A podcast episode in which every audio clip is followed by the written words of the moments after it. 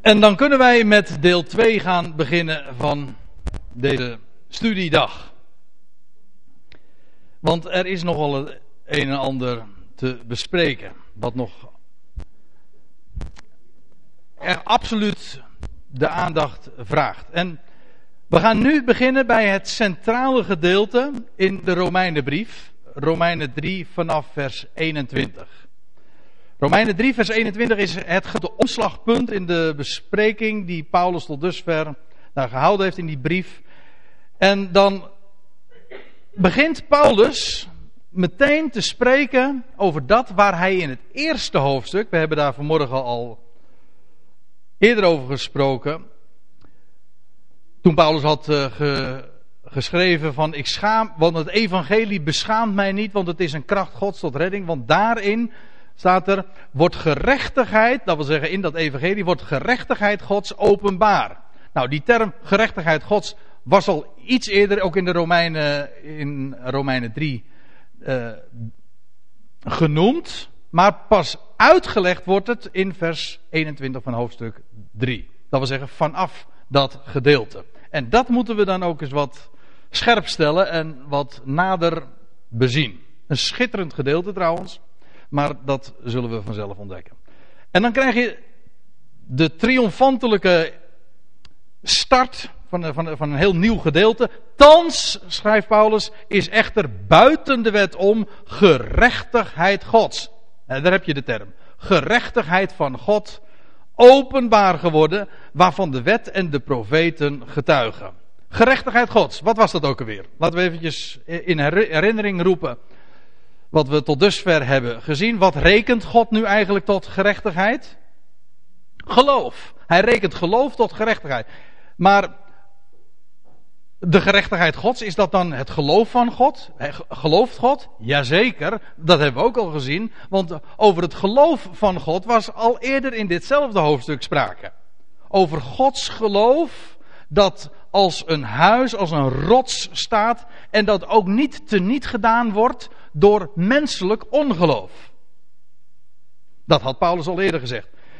Als hier dus gezegd wordt dat nu gerechtigheid Gods openbaar uh, is geworden, dan gaat het over het feit dat God recht doet. Recht waaraan? Wel aan zijn belofte.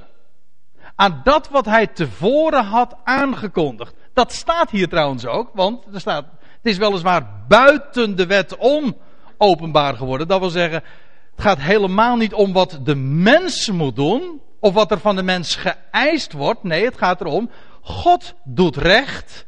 En waarvan al eerder in de Tenach, in de Hebreeuwse Bijbel, was gesproken, het was dus aangekondigd. En dat bevestigt precies wat we tot dusver al hebben kunnen vaststellen in, in de aanloop. Namelijk dat de gerechtigheid Gods, dat is het, dat is het geloof van God. Hij belooft en hij doet recht aan dat wat hij aankondigt.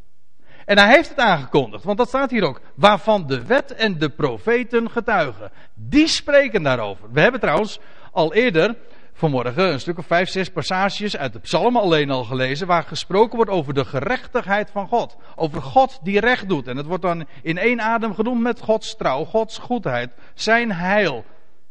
Al dat soort dingen. Dingen waar je over gaat jubelen. Om, waarom? Omdat het niet te maken heeft met een last die de mens op zijn schouders gelegd krijgt. Nee, het heeft te maken met God die belooft om niets. Wel, daarom is dit ook zo'n triomfantelijke start. Hè? Thans is echter buiten de wet om gerechtigheid Gods openbaar geworden, waarvan de wet en de profeten al getuigenis afleggen, aflegden. En wel, vers 22, dat is heel belangrijk hoor. En wel gerechtigheid Gods, heb je weer die term, de gerechtigheid van God. En wel gerechtigheid Gods door het geloof in Jezus Christus. Zegt onze vertaling. Maar hier moet ik meteen al op iets wijzen. Op zo'n fundamentele fout. En waarom het fundamenteel is, dat, ga ik, dat, dat zal ik ook laten zien. Want weet u wat er, dat er helemaal niet staat? Door geloof in Jezus Christus. Er staat niet door het geloof in Jezus Christus. Weet u wat er staat? Dit. Er wordt gesproken over het gerechtigheid Gods. Dat wil zeggen, is openbaar geworden. Dat betekent, God doet recht. En dat is openbaar geworden. En hoe is dat dan openbaar geworden? Door ons geloof in Hem, in Jezus Christus? Nee, niet door ons geloof in Hem, maar door Zijn geloof. Een compleet ander verhaal krijg je daardoor. U zegt, het is één zo'n woordje dat men heeft veranderd, maar daardoor verandert het hele verhaal hier. Compleet. Want het gaat namelijk niet om ons geloof in Hem, maar het gaat om Zijn geloof.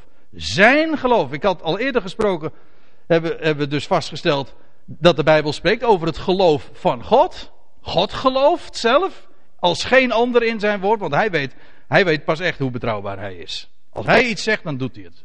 Maar hier wordt gesproken over het geloof van Jezus Christus. En daardoor is die, dat recht van God openbaar geworden. Geloof van Jezus Christus. En daarvan, ja, elders lezen we daarover.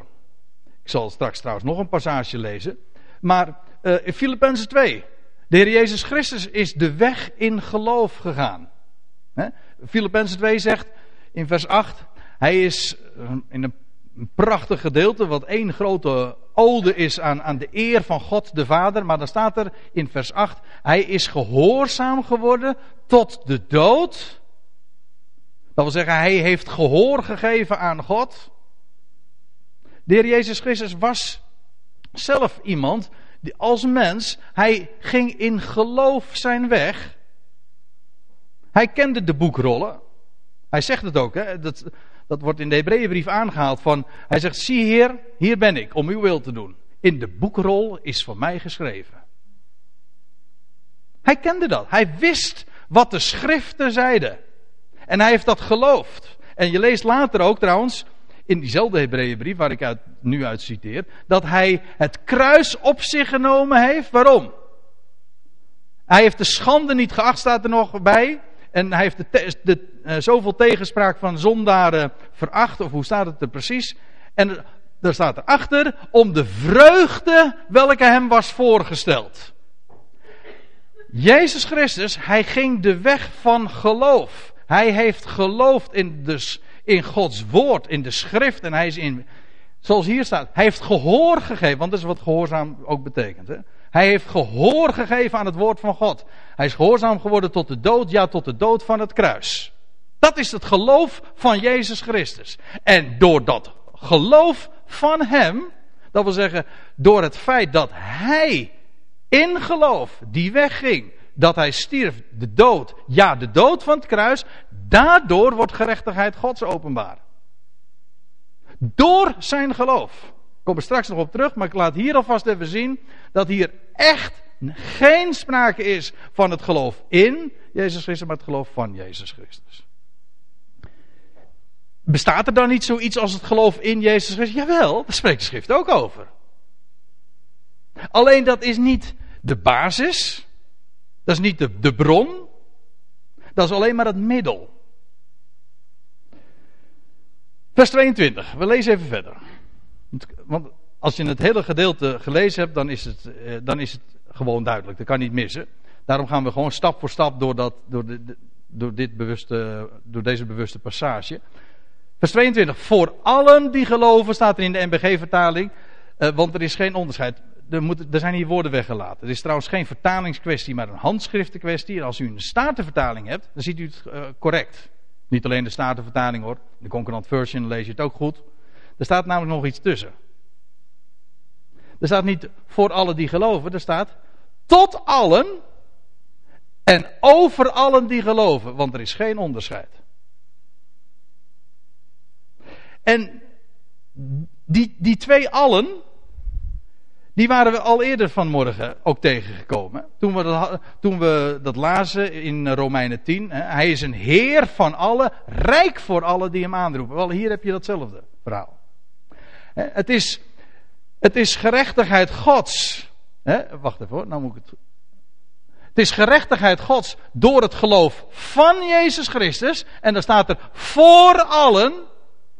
Nee, nou moet ik het zelf goed zeggen. Tot allen, dat wil zeggen, dat is de rijkwijde. En hoe wordt het dan effectief? Wel, door geloof. En over, dus tot alle mensen en over allen die geloven. Dat geloof is het middel waar God door rechtvaardigt. Dat is niet de bron, maar het is wel het middel waardoor God dat realiseert, want er is geen onderscheid. Ik lees even verder. Vers 23.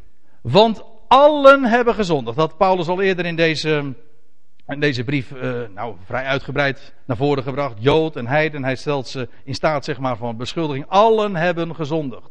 Later gaat hij trouwens vertellen, maar daar hadden we het ook al eventjes over.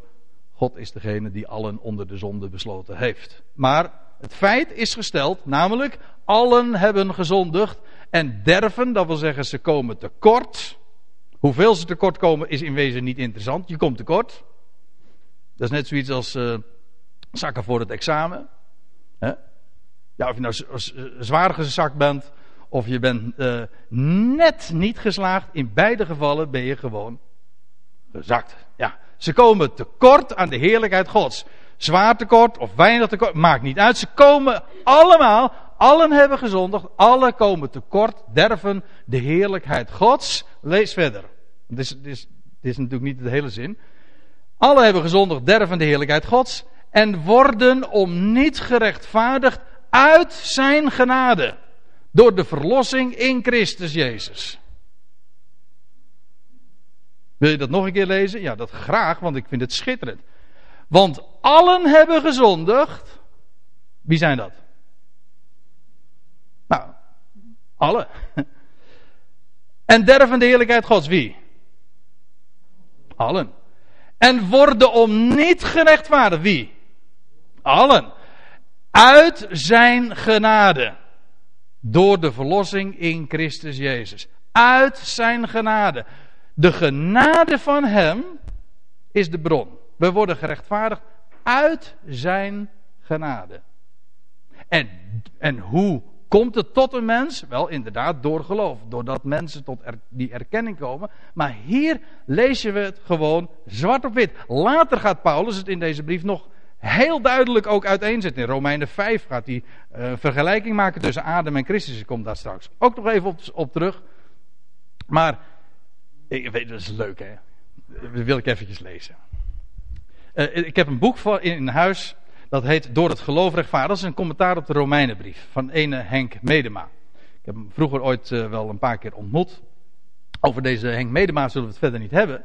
Maar ik, ik wil eventjes uh, laten zien wat, wat Henk Medema geschreven heeft. Naar aanleiding van deze, deze versen.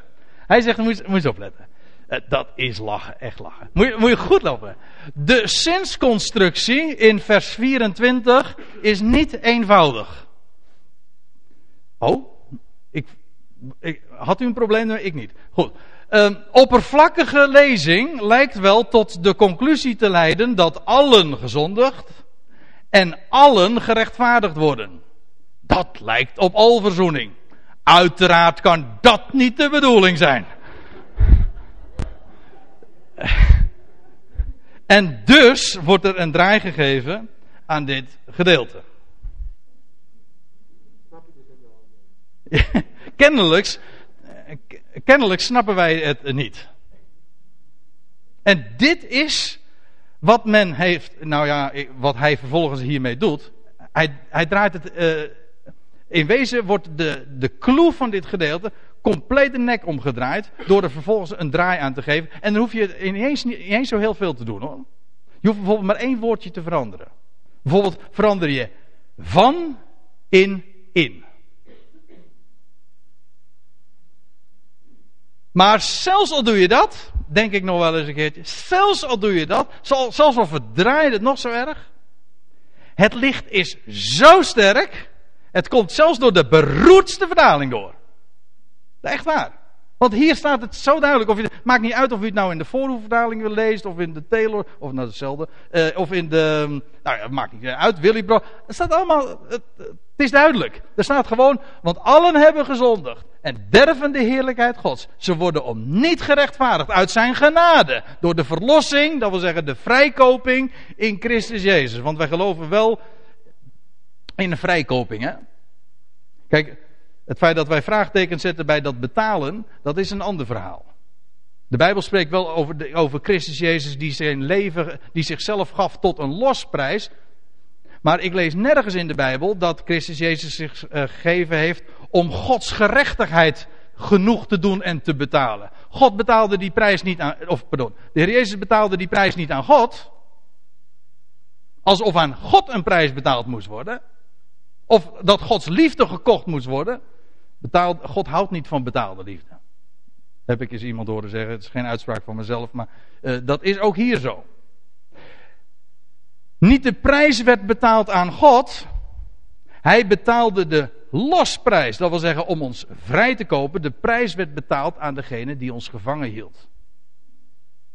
Komt allemaal niet zo uit de verre voor bij dat woordje verlossing. Maar er staat gewoon vrijkoping. En een vrijkoping, dat wil zeggen, er wordt een prijs betaald aan degene die gevangen houdt. En wat hield ons gevangen? De dood, zegt Hebreeën 2. De dood hield ons gevangen. En doordat de Heer Jezus stierf, betaalde hij de prijs aan de dood. En zo kocht hij ons vrij. Want alleen door te sterven kon hij uit de dood opstaan en daarmee ons vrijkopen. Dat wil zeggen de dood te niet doen en leven aan het licht brengen. Kijk, dat is vrijkoping. Dat is die losprijs. Het heeft niet te maken met een prijs die aan God betaald moest worden, alsof God iets eiste, alsof God betaald moest worden. Leest u nergens in de Bijbel. Maar het gaat nu even vooral om dat, om dat, dat allen wat hier staat. Ik bedoel, het is zo, het is universeel, het is ook omniet, het is onvoorwaardelijk. Dat is nu juist het evangelie. Dat is juist die gerechtigheid Gods. Hij belooft de hele wereld te zegenen. Hij doet dat om niet en hij doet dat door middel van leven uit de dood voor te brengen. Zoals hij dat ooit al aan Abraham had beloofd. En in wezen is dat, daarom zegt Paulus later in de gelaten brief, aan Abraham is al het evangelie verteld. Ja, is ook zo.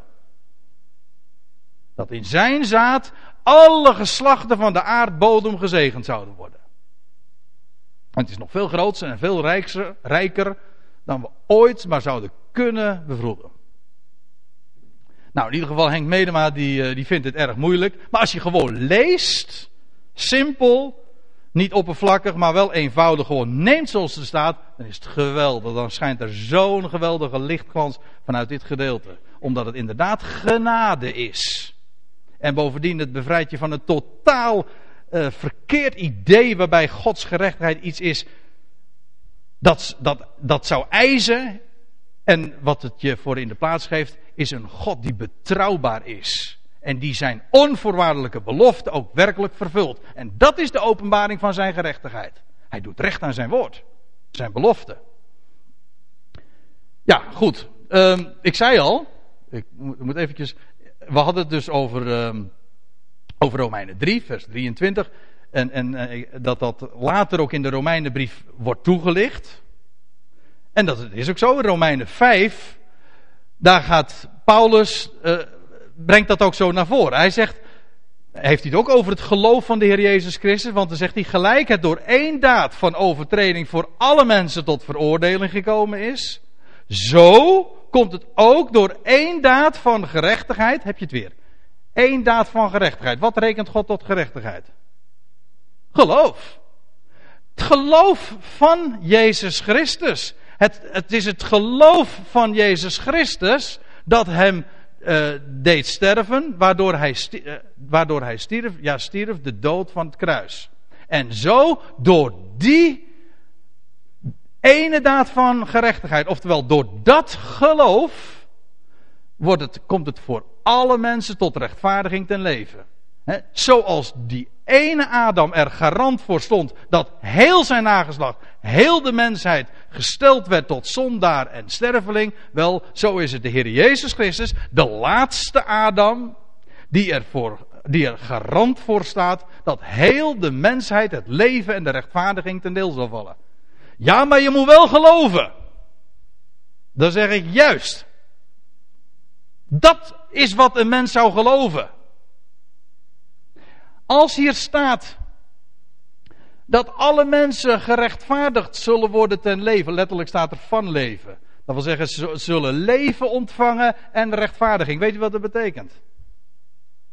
Mensen, dat is heel grappig, hè? Dat is heel grappig. Mensen, dan vertel je van alle mensen. De Bijbel zegt het. Ik, ik bedoel, we verzinnen het niet. Paulus zegt het in Romeinen 3. Hij zegt het in Romeinen 5. Zo duidelijk. Hij vergelijkt het bovendien nog eens een keer. En dat, waardoor de twijfel helemaal wordt weggenomen. Want je zou je, zou je ogen niet geloven als, je het zo leest. Nou, dat lijkt me wel. Dat lijkt me een beetje al te mooi. Het staat er zo. Maar dan, weet je wat mensen dan zeggen? Ja, die rechtvaardiging, ja, maar je moet wel geloven. Waarmee ze demonstreren dat ze dus niet geloven, denk ik dan. Maar even los daarvan. Als er staat dat hij alle mensen rechtvaardigt, dan betekent dat niks anders dat alle mensen tot geloof zullen komen. Want wat is rechtvaardiging? Hoe wordt een mens een rechtvaardige? Toch geloof. Abraham geloofde God en hij was een rechtvaardige. Hij werd, het geloof werd hem gerekend tot gerechtigheid. Als hier staat dat alle mensen gerechtvaardigd zullen worden, wat betekent dat dan? Dat alle mensen zullen geloven. Want dat is wat God rekent tot gerechtigheid. Geloof is niet en mensen, maken er een voorwaarde van. Zeg van ja, ze worden. Eh, alle mensen kunnen niet gerechtvaardigd worden, want ze moeten eerst wel. Uh, ze moeten wel eerst geloven. Nee, God rechtvaardigt hen. Hoe dan wel? Wel door hen tot geloof te brengen. Door hun ogen te. Door de ogen van hun hart te openen en. en inderdaad. Uh, te brengen tot erkenning van Hem.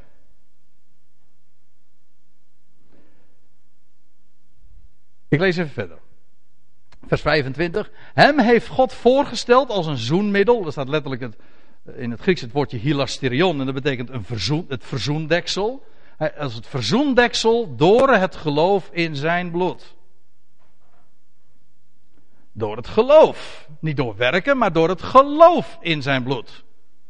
Kijk, hier is sprake van ons geloof. Dat wil zeggen van het geloof van de mens in zijn bloed. Ik wijs er nu alvast even op. Ik zal straks ook nog later echt ook aantonen. Dat als de Bijbel spreekt over rechtvaardiging.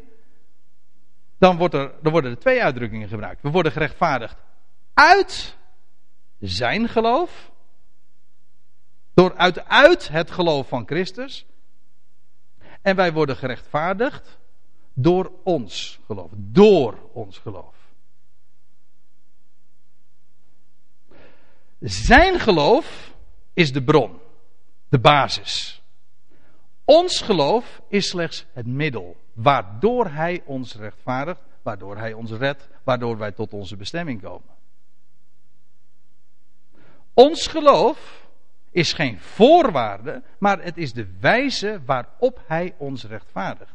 Het is geen beperking, het is zijn middel, het is zijn instrument.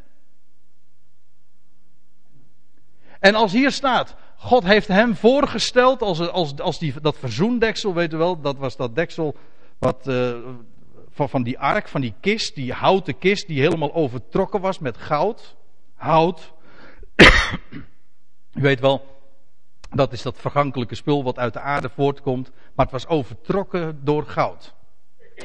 Die hele ark in al haar onderdelen spreekt van, van de Messias die zou komen, die God had aangekondigd van hem die mens was, uit de aarde voortgekomen, hout, maar vervolgens overtrokken door goud. Is een edelmetaal, roest niet, onvergankelijk. Daar is het een beeld van. Wel, hem heeft God voorgesteld tot dat verzoendeksel, waar dat bloed jaarlijks op gesprenkeld werd als een beeld van. Wat ooit zou gebeuren. En onder dat verzoendeksel had je nog Bijvoorbeeld die staf van Aaron die amandelbloesem had gebloeid. Heb je het weer, hè? Die dode staf die leven had voortgebracht. Was bovendien nog een gouden kruik ook aan verbonden. Met manna, met dat levende brood erin. Nou, hoe dan ook, dat verzoendeksel staat voor en uh, is een embleem van die ark. Die in al haar onderdelen en in alle haar facetten een type is van de Heer Jezus Christus. Hier staat het zwart op wit. Of wit op blauw moet ik eigenlijk zeggen, in dit geval. Hem heeft God voorgesteld tot dat als dat verzoendeksel door het geloof in zijn bloed. En dan, dan komt het, kom weer bij die term de gerechtigheid Gods, om zijn rechtvaardigheid, zijn gerechtigheid, want dat is exact hetzelfde woord als wat we in vers 21 lezen, om zijn, gerecht, zijn rechtvaardigheid te tonen, dat wil zeggen te demonstreren, daar hij de zonde, die tevoren onder de verdraagzaamheid Gods gepleegd waren, had laten geworden. Ja. Nou wordt het even ingewikkeld. Ik weet niet hoe helder u hier nu nog zit. En of u dat allemaal oppakt. Maar nu e- even goed, even, even goed de aandacht. Om dit te begrijpen. Want het is een lastige zin. Paulus heeft wel vaker van zulke zinnen. Oei, die moet je nog een keer lezen. Maar dan moet ik er nog iets bij zeggen. Lees hem dan in de Statenvertaling en dan zou je zeggen, ja, maar dat is nog oude, dat is oude Nederlands en dan snap ik het helemaal niet meer. Ja, dat is waar, dat ben ik helemaal met u eens, maar het staat er in dit geval wel veel beter. Kijk, weet u wat hier staat? Dit is ook weer typisch een weergave vanuit de traditie en vanuit de traditionele visie. God is gedurende al die jaren, al die eeuwen, die millennia tot Christus, is hij verdraagzaam geweest. En heeft hij de zonde laten geworden. Maar dat hij, heeft dat kunnen verdragen omdat hij er naar uitzag dat hij eens, ik zeg het nou, eh, ja, sorry, ik weet niet hoe ik het anders moet zeggen, maar dat is toch de voorstelling, dat hij eens zijn gram zou halen. Zou hij zijn rechtvaardigheid demonstreren? Dat wil zeggen zijn, gerecht, zijn, zijn gerechtigheid opeisen.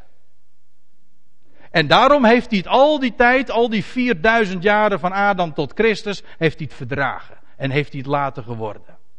En nou, in Christus is de gerechtigheid Gods openbaar geworden. Heeft hij betaald gekregen. Hij heeft zijn gerechtigheid opgeëist. En in Christus, daar op het kruis van is de prijs aan God betaald. Het doet nu zeer aan mijn oren, weet u dat, als ik het, terwijl ik het zo zeg. Want het is een compleet ander verhaal. En bovendien, in de staatsvertaling, moeten ze even door het oude Nederlands heen prikken. Er staat, tot een betoning van zijn rechtvaardigheid. En dat had later geworden, daar staat, door de vergeving van zonde. Ik ga nu even op de vertaaltechnische kant, uh, ga ik nu even niet in, want uh, dan ga ik het u nog uh, moeilijker maken. De, als u daar meer over wil weten, dan, dan, kunnen we het er zo meteen eventueel nog eventjes over hebben. Ik wil er ook graag nog eens een, op mijn website op, nader op ingaan. Maar ik wijs er nu even op, op dat er niet staat van had laten geworden, maar er staat tot een betoning van zijn rechtvaardigheid. Hoe? Door de vergeving van, zijn zonde, van de zonde. Niet, het is niet de, een betoning uh, van zijn rechtvaardigheid. Uh, die nee, laat ik het anders zeggen. Die vergeving van de zonde is niet ondanks zijn rechtvaardigheid. Nee, dat is juist de betoning van zijn rechtvaardigheid. Tot een betoning van zijn rechtvaardigheid door de vergeving van de zonden die tevoren geschied zijn onder de verdraagzaamheid God. God had ze verdragen en hij zou eenmaal in Christus gaan tonen, gaan demonstreren dat hij rechtvaardig is, namelijk dat hij de zonde zou gaan vergeven. Voelt u het totale verschil? Het is niet, God heeft dat verdragen omdat hij uiteindelijk toch wel zijn gerechtigheid zou opeisen. Nee, God heeft het verdragen in afwachting tot die tijd dat zijn gerechtigheid openbaar zou worden. Dat wil zeggen dat hij recht zou gaan doen aan zijn, zijn belofte, namelijk om de wereld te gaan vergeven. Dat wat al die tijd nog God God had het verdragen, hoe zeg je dat?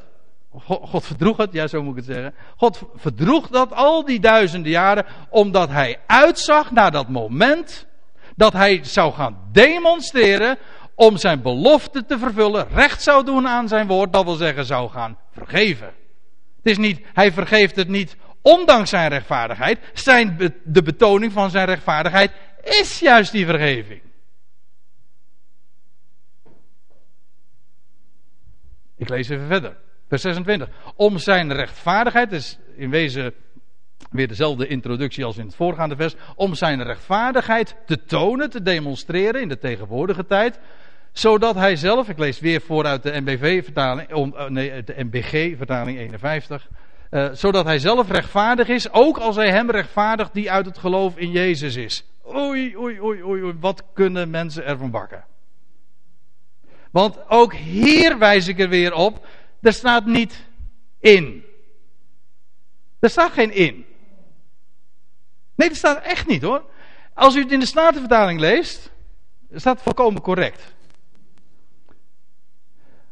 Opdat hij rechtvaardig zij en rechtvaardigend degene die uit het geloof van Jezus is. Dat staat er. En daar komt trouwens nog, nog iets bij voor de goede lezer. Als je, als je oog hebt voor subtiele verschillen, dan zie je zelfs dat ook in de, in, in de MBG-weergave nog weer dat idee doorklinkt van hij is zelf rechtvaardig, ook als hij hem rechtvaardigt die uit het geloof in Jezus is. Nee, hij is juist rechtvaardig doordat hij rechtvaardigt die uit het geloof van Jezus is. Dat wil zeggen iedereen. Het gaat niet om ons geloof, het gaat om zijn geloof. Want allen hebben gezondigd en worden om niet, en, en van de heerlijkheid Gods, en worden om niet gerechtvaardigd uit zijn genade. En hier staat, het, hier staat weer het exact hetzelfde. Hij zegt, hij, hij is rechtvaardig. Hoe dan wel? Wel, hij rechtvaardigt allen die uit het geloof van Jezus zijn. Van Jezus. En dan, en dan begrijp je ook waarom er staat in vers 27. Waar blijft het roemen dan? Dat wil zeggen, waarop kun je als mens dan nog trots zijn? Waarop kun je dan nog bogen? Waar kan je dan nog mee aankomen? Het antwoord is natuurlijk, precies wat Paulus hier zegt, het is uitgesloten.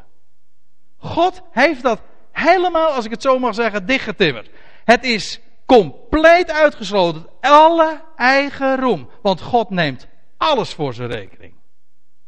En het gaat ook niet om ons geloof. Nee, het gaat om het zijn eigen geloof, sowieso, het geloof van God. En bovendien, hoe realiseert hij dat? Wel door het, eh, vanuit het geloof van Jezus. Dat wil zeggen, Jezus Christus ging die weg van geloof. En dat is de basis, dat uit. Hè? Wacht even.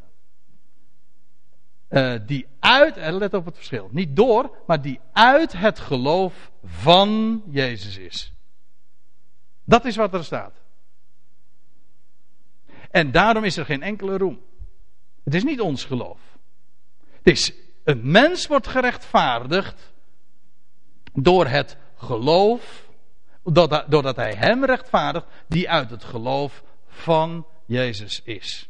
En als je daar oog voor gaat krijgen, als hij je ogen daarvoor opent, hè, want dat is wat je niet op commando kunt, het is al buiten elke wet om, dan is het inderdaad de vraag, waar blijft dan het roemen? Het antwoord is, het is uitgesloten. Dan gaan we nog wat verder.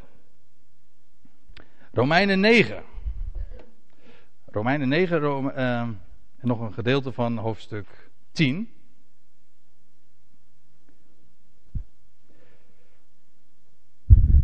Dat is het laatste passage trouwens die we zullen lezen. Daar staat, wat zullen wij dan zeggen? Dit is weer Inmiddels is Paulus dus een heel aantal hoofdstukken weer verder. En inmiddels gaat zijn betoog ook over de rol van het volk Israël. En hoe het volk Israël in de, gedurende de tegenwoordige tijd eh, vijandig staat tegenover het evangelie. Tenminste over het, uh, de grote linie. En dat God daar te zijner tijd ook een einde aan zal gaan maken.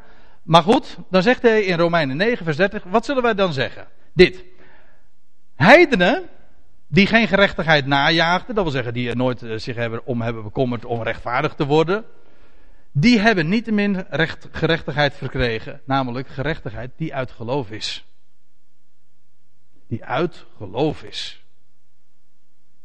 Niet omdat ze werken, maar gewoon omdat ze te maken kregen met God die belooft en om niet geeft.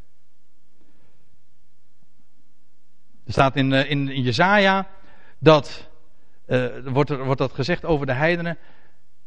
Ik ben gevonden, zegt God, door degene die naar mij niet zochten. Kijk, dat is, dat is Gods gerechtigheid. Ik ben gevonden door degene die mij niet zochten. Hier staat iets soortgelijks. De heidenen die geen gerechtigheid najaagden, die hebben niettemin gerechtigheid verkregen. Ja, hoe dan? Wel, ze kregen te horen van Gods belofte, van Gods gerechtigheid, van God die om niet geeft. Waar je dus ook niks om kunt doen, dat je niet kunt kopen, dat je, maar je kunt als je dat hoort, en je, hart, en je oren en je hart gaat daarvoor open, ja, dan, kun je, dan geloof je dat. Een belofte kun je trouwens ook alleen maar geloven. Hè?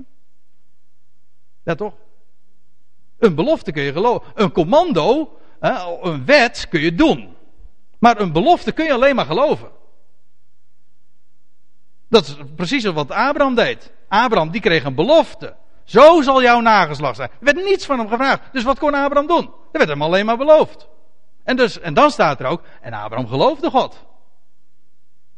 Nou, daar gaat het over. Dat geloof gaat. Geloof, het geloof wat hier aan de orde is, dat is het geloof in een belofte. Onvoorwaardelijke belofte. Paulus gaat verder. Doch Israël, hoewel het een wet van gerechtigheid najaagde, is aan die wet niet toegekomen. Dat wil zeggen, Israël is wel altijd gedurende al die eeuwen dat ze de wet hebben ontvangen, eh, of eh, hadden, was toevertrouwd. Al die eeuwen hebben zij, althans een deel van hen, is zo ijverig geweest om rechtvaardig voor God te zijn. En ze hebben de wet gedaan. En ze hebben die, dat wil zeggen, ze hebben die wet van gerechtigheid nagejaagd. En toch, zegt Paulus, ze zijn aan die wet niet toegekomen. Ze hebben het nooit echt begrepen. En nou komt de vraag, waarom niet? Waarom dan niet? Waarom is Israël, die weliswaar gerechtigheid najaagde, hun best deed om, om rechtvaardig voor God te zijn, waarom is het nooit aan de wet toegekomen? En dan, en dan komt het antwoord. Omdat het hierbij niet uitging van geloof, maar van, vermeende kun je eigenlijk weglaten, want dat staat niet, maar van werken.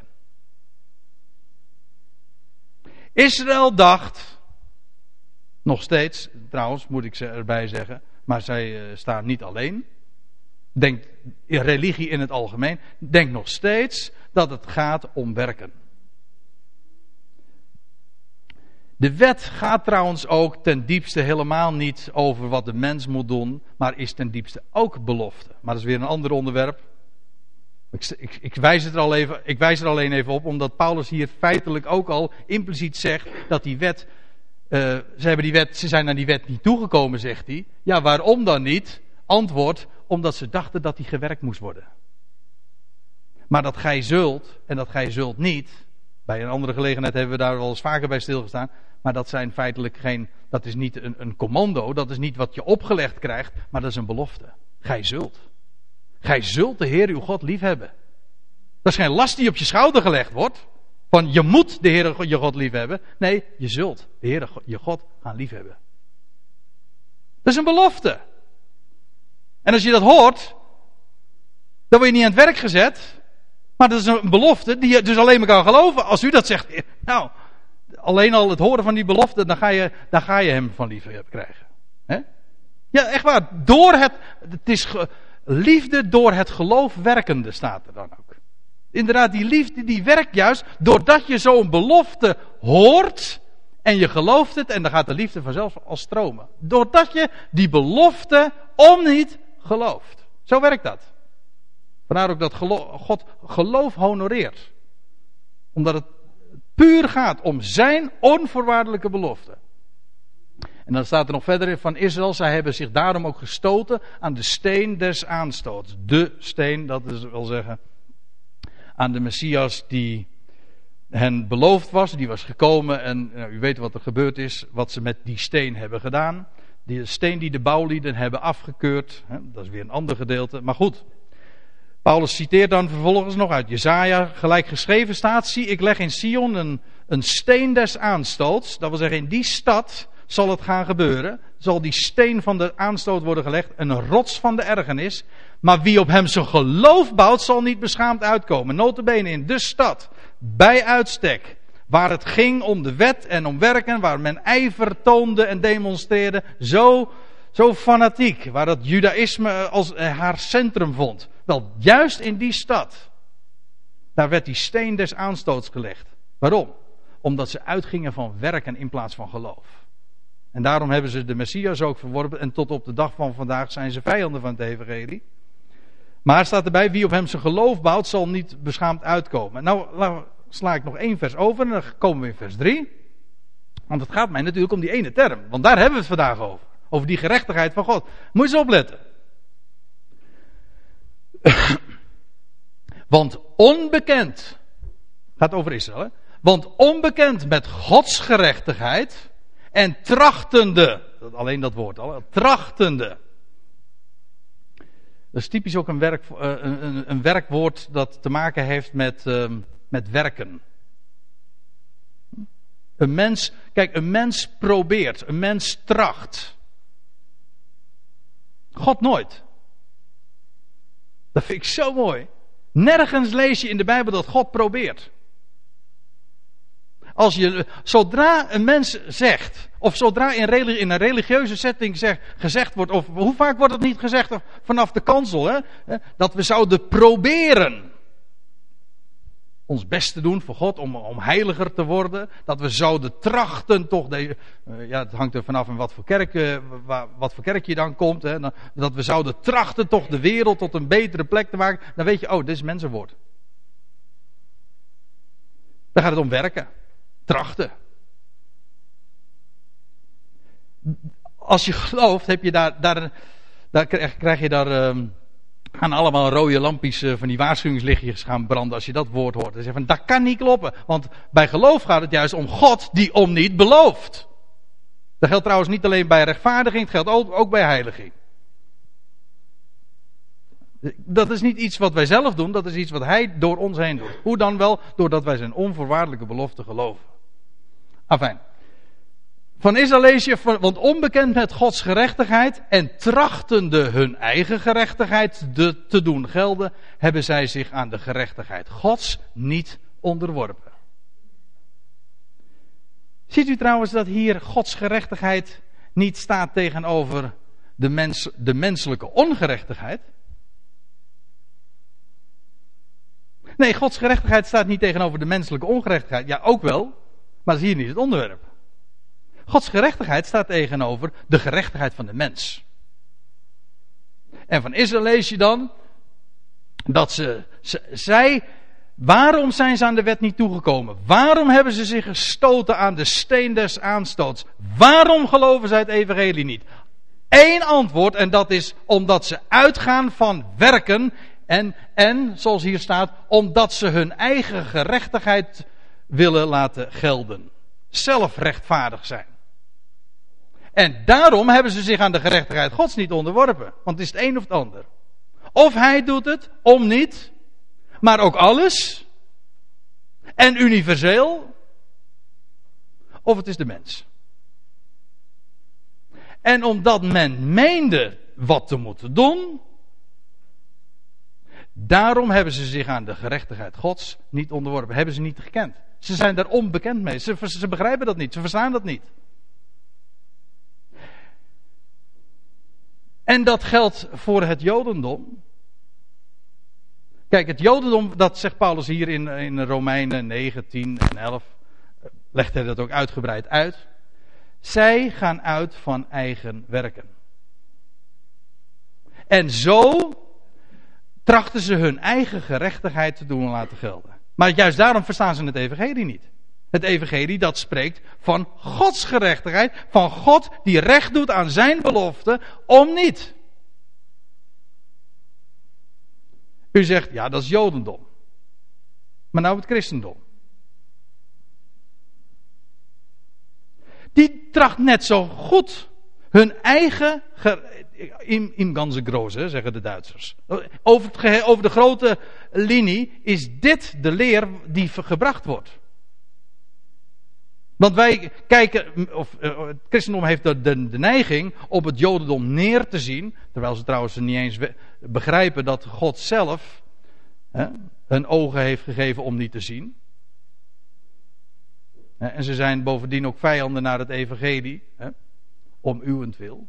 Dat is, dat is sowieso. Dus er is al helemaal geen reden om erop neer te zien. Maar bovendien, en dat is helemaal wat het uh, toch wel een, een heel dramatisch verhaal maakt.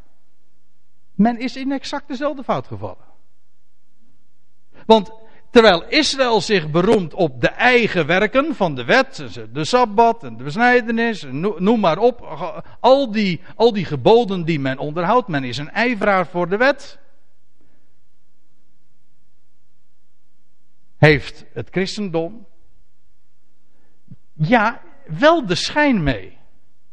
Want u zegt van ja, maar het christendom die zegt toch juist van uh, dat, het niet om eigen, dat het niet om werken gaat, maar om geloof. Toch? Was de hele reformatie niet gebaseerd juist op die ontdekking van sola fide? Dat wil zeggen alleen door geloof? Dat is toch geweldig? Het gaat dus niet om werken, maar om geloof. Dan zeg ik jawel, maar wiens geloof?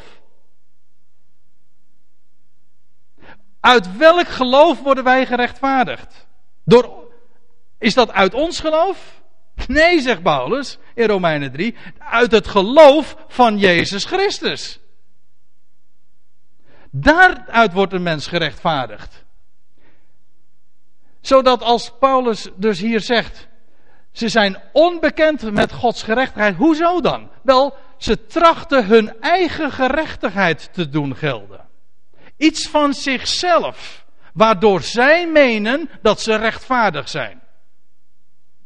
En dat kun je doen door te bogen op wetswerken. Maar je kunt dat net zo goed doen weer te doen. Door te zeggen, door van je eigen geloof iets exclusief te maken. Bovendien een verdienste, zegt men ook. Hè?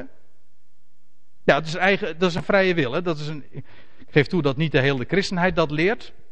Maar zeker het evangelisch segment. Dat zegt van, ja, we hebben een vrije wil. En wij hebben zelf daarvoor gekozen. Dat is iets, van, dat is iets wat van onszelf is. En dan tracht je nog weer je eigen gerechtigheid te gelden. Want dan is het jouw geloof. Waardoor jij gerechtvaardigd wordt. Het is zijn geloof. Waarbij het even om het even is of je het hebt over het geloof van Christus. Of je hebt het over het geloof van God. In beide gevallen is dat de bron. Hij gelooft. Hij belooft. Om niets en hij realiseert dat door de Heer Jezus Christus, die door één daad van gerechtigheid garant staat voor rechtvaardiging en leven voor iedereen. En dat is het evangelie. Niets van de mens. En dat zou de mens, dat zou de mens verteld worden. Waarom? Omdat het het evangelie is. Dat is Gods gerechtigheid. Ziet u dat Gods gerechtigheid, en daar sluit ik dan ook mee af. Kijk, je hebt eigen gerechtigheid en je hebt Gods gerechtigheid.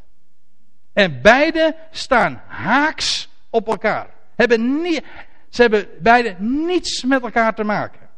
Het ene, in het ene geval heb je het over je eigen werken, je, eventueel je eigen geloof. Dat is dan de christelijke variant. Waarbij het dan gaat om het feit dat, ja, maar ik, ik heb gekozen. Ik heb ooit het zondagsgebed gebeden. Ik ben ooit naar voren gekomen met die evangelisatiebijeenkomst. En daarom ben ik nu een gerechtvaardigde. Ja. Nou, dan heb je weer iets van jezelf. Waar blijft het roemen dan? Nou, ik heb gekozen. Dan is er weer iets van jezelf. En dan ben je nog steeds onbekend met Gods gerechtigheid. Want Gods gerechtigheid is juist om niet. Zonder dat er een prijskaartje of voorwaarde aan hangt. En dat mogen wij geloven. En zo gaan wij ook jubelen.